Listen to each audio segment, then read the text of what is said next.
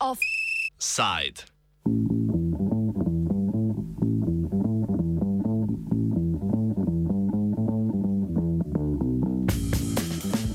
Otok zakladov.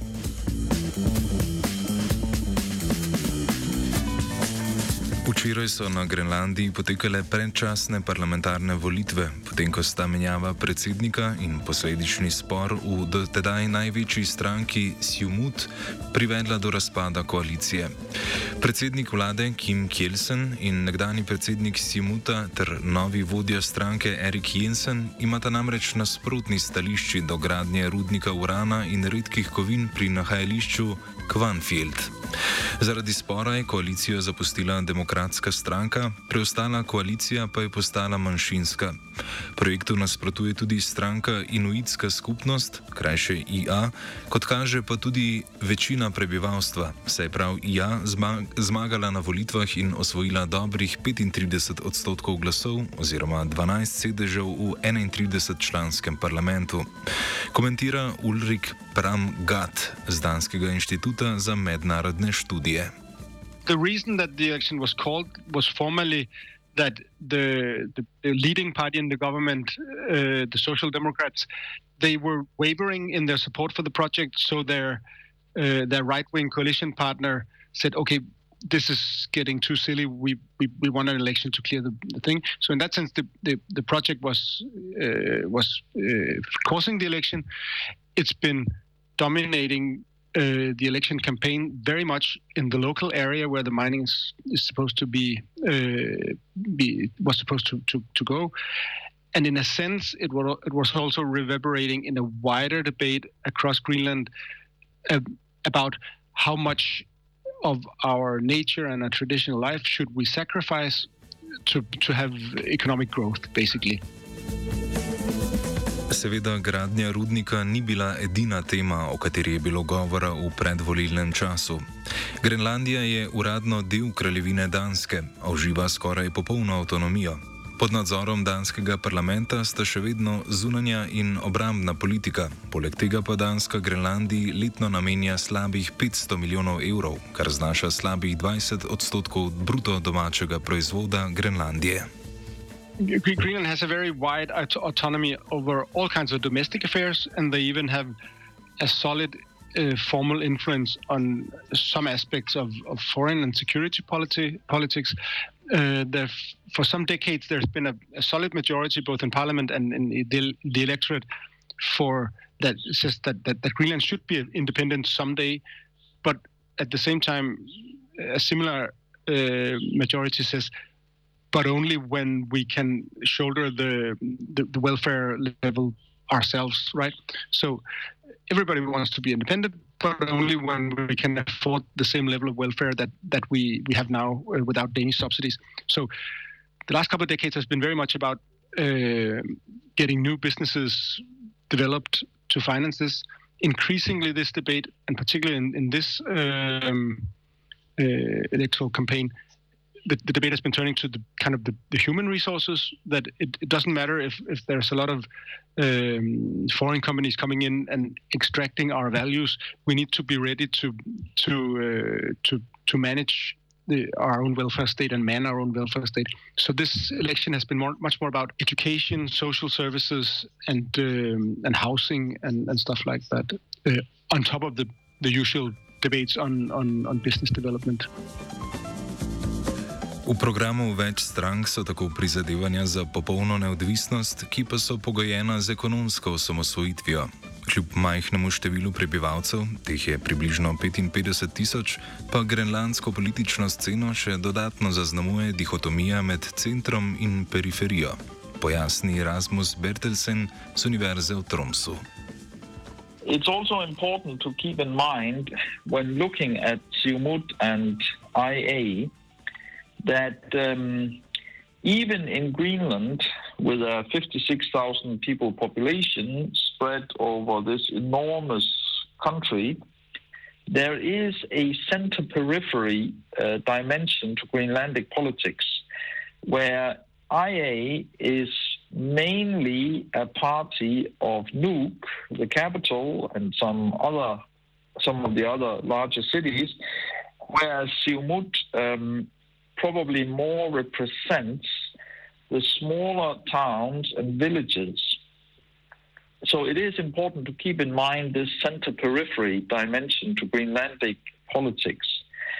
And uh, there, Siumut emphasizes the economic development based on natural resources, such as this large uh, mining project, uh, Kvanefjellet in southern Greenland, whereas um, IA has a different uh, prioritization, a different evaluation of the trade offs between this natural resource based uh, economic development in the periphery and environmental considerations. Prav izčrpavanje naravnih dobrin bi lahko Grenlandijo vodilo k ekonomski neodvisnosti. Največji otok na svetu je tudi eno največjih nahajališč redkih zemeljskih kovin, ki so ključnega pomena za razno razne industrijske sektorje, od potrošniške elektronike do vojaške visoke tehnologije. Pram Gad pojasni argumente za projekt in proti njemu. That was the, the, the, main argument of the proponents of the project said that okay if if this project gets going as as planned uh, it will would relieve like perhaps um, a sixth of the Danish subsidies every year. Uh, and it would create some hundred jobs in a in a very small place where nothing really is, is developed at the moment. So that was the the the, the argument which the proponents used. Uh, the, the opponents say that well, yes, but we don't want to be independent if it costs us the, the, the way and the life that we that we like the the the close relation to nature not just in, in traditional hunting and fishing but also we have agriculture here and we have uh, tourism that could be developed. We'd rather uh, economically develop ourselves in in continuation of, of whom we are than in in contrast uh, by by by literally selling the, the dirt under our feet right Poleg ekonomskih vprašanj je treba nasloviti tudi naravovarstvena. Čeprav je glavni namen postavitve rudnikov pridobivanje redkih kovin, je poleg teh na omenjenem nahajališču prisoten tudi radioaktivni uran.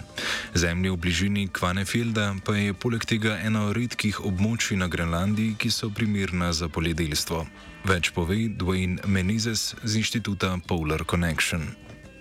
The Quantifield project is controversial for four main reasons. Number one, it is uh, it is located in the southernmost part, you know, of, of Greenland, which is the only arable part of the country as such. So the risk of dirty mining, the, any environmental risk, poses tremendous, um, tremendous security, you know, tremendous challenges for the local community, for agriculture, and for husbandry. Why is this important? That would bring me to my second point, which is one of the reasons why the mining site is controversial is it has high levels of radioactive elements such as uranium and thorium mixed in with the rare earth elements. This means that if you were to mine uh, the rare earths, you would have uranium being mined as a byproduct. This presents environmental challenges. Zaplete se tudi pri geopolitiki. Desetodstotni in s tem največji delničar avstralske firme Greenland Man Minerals, ki projekt izvaja, je kitajsko podjetje Shenge Resources Holding. Ne glede na odločitev bodoče koalicije, ali bo projekt prepovedala ali ne, je težko verjeti, da bi ZDA na svojem zunanje političnem dvorišču tolerirale svoje največje nasprotnike, sploh če gre za redke elemente. Največje zaloge teh rudnin so namreč prav na kitajskem. Ta država pa je hkrati tudi njihova daleč največja svetovna predelovalka. Brško naj je bilo tudi to razlog za ponudbo nekdanjega predsednika ZDA Donalda Trumpa, ko je v svojih prizadevanjih po spet veliki Ameriki poskusil Grenlandijo kar kupiti. Podjetja v Evropski uniji, naprimer iz Kitajske, uvozijo približno 98 odstotkov vseh redkih rudnin, ki jih potrebujejo za ugradnjo svoje izdelke, kot so denimo veterne turbine za proizvodnjo elektrike. Več o tem Birtasen. It is practically impossible to imagine that the United States would tolerate a Chinese controlled rare earth element mining project in Greenland.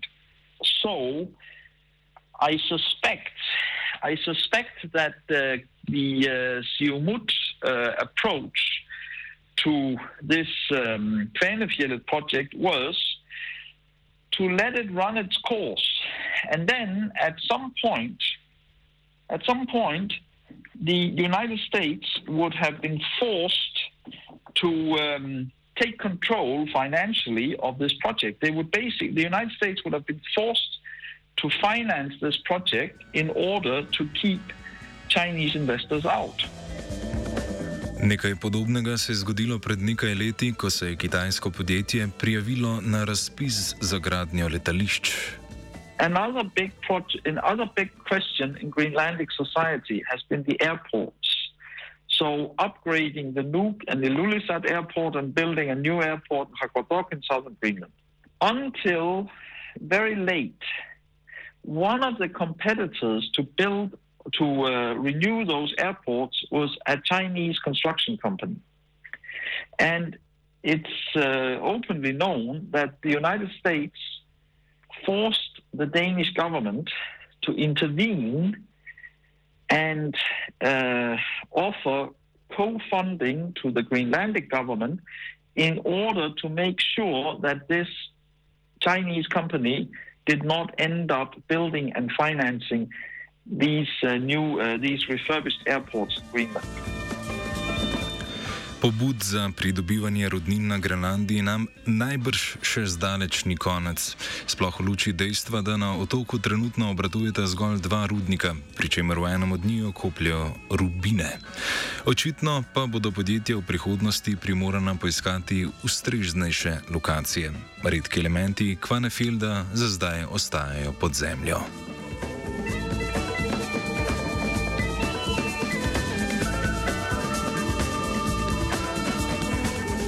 Offside je zmeniral svetina.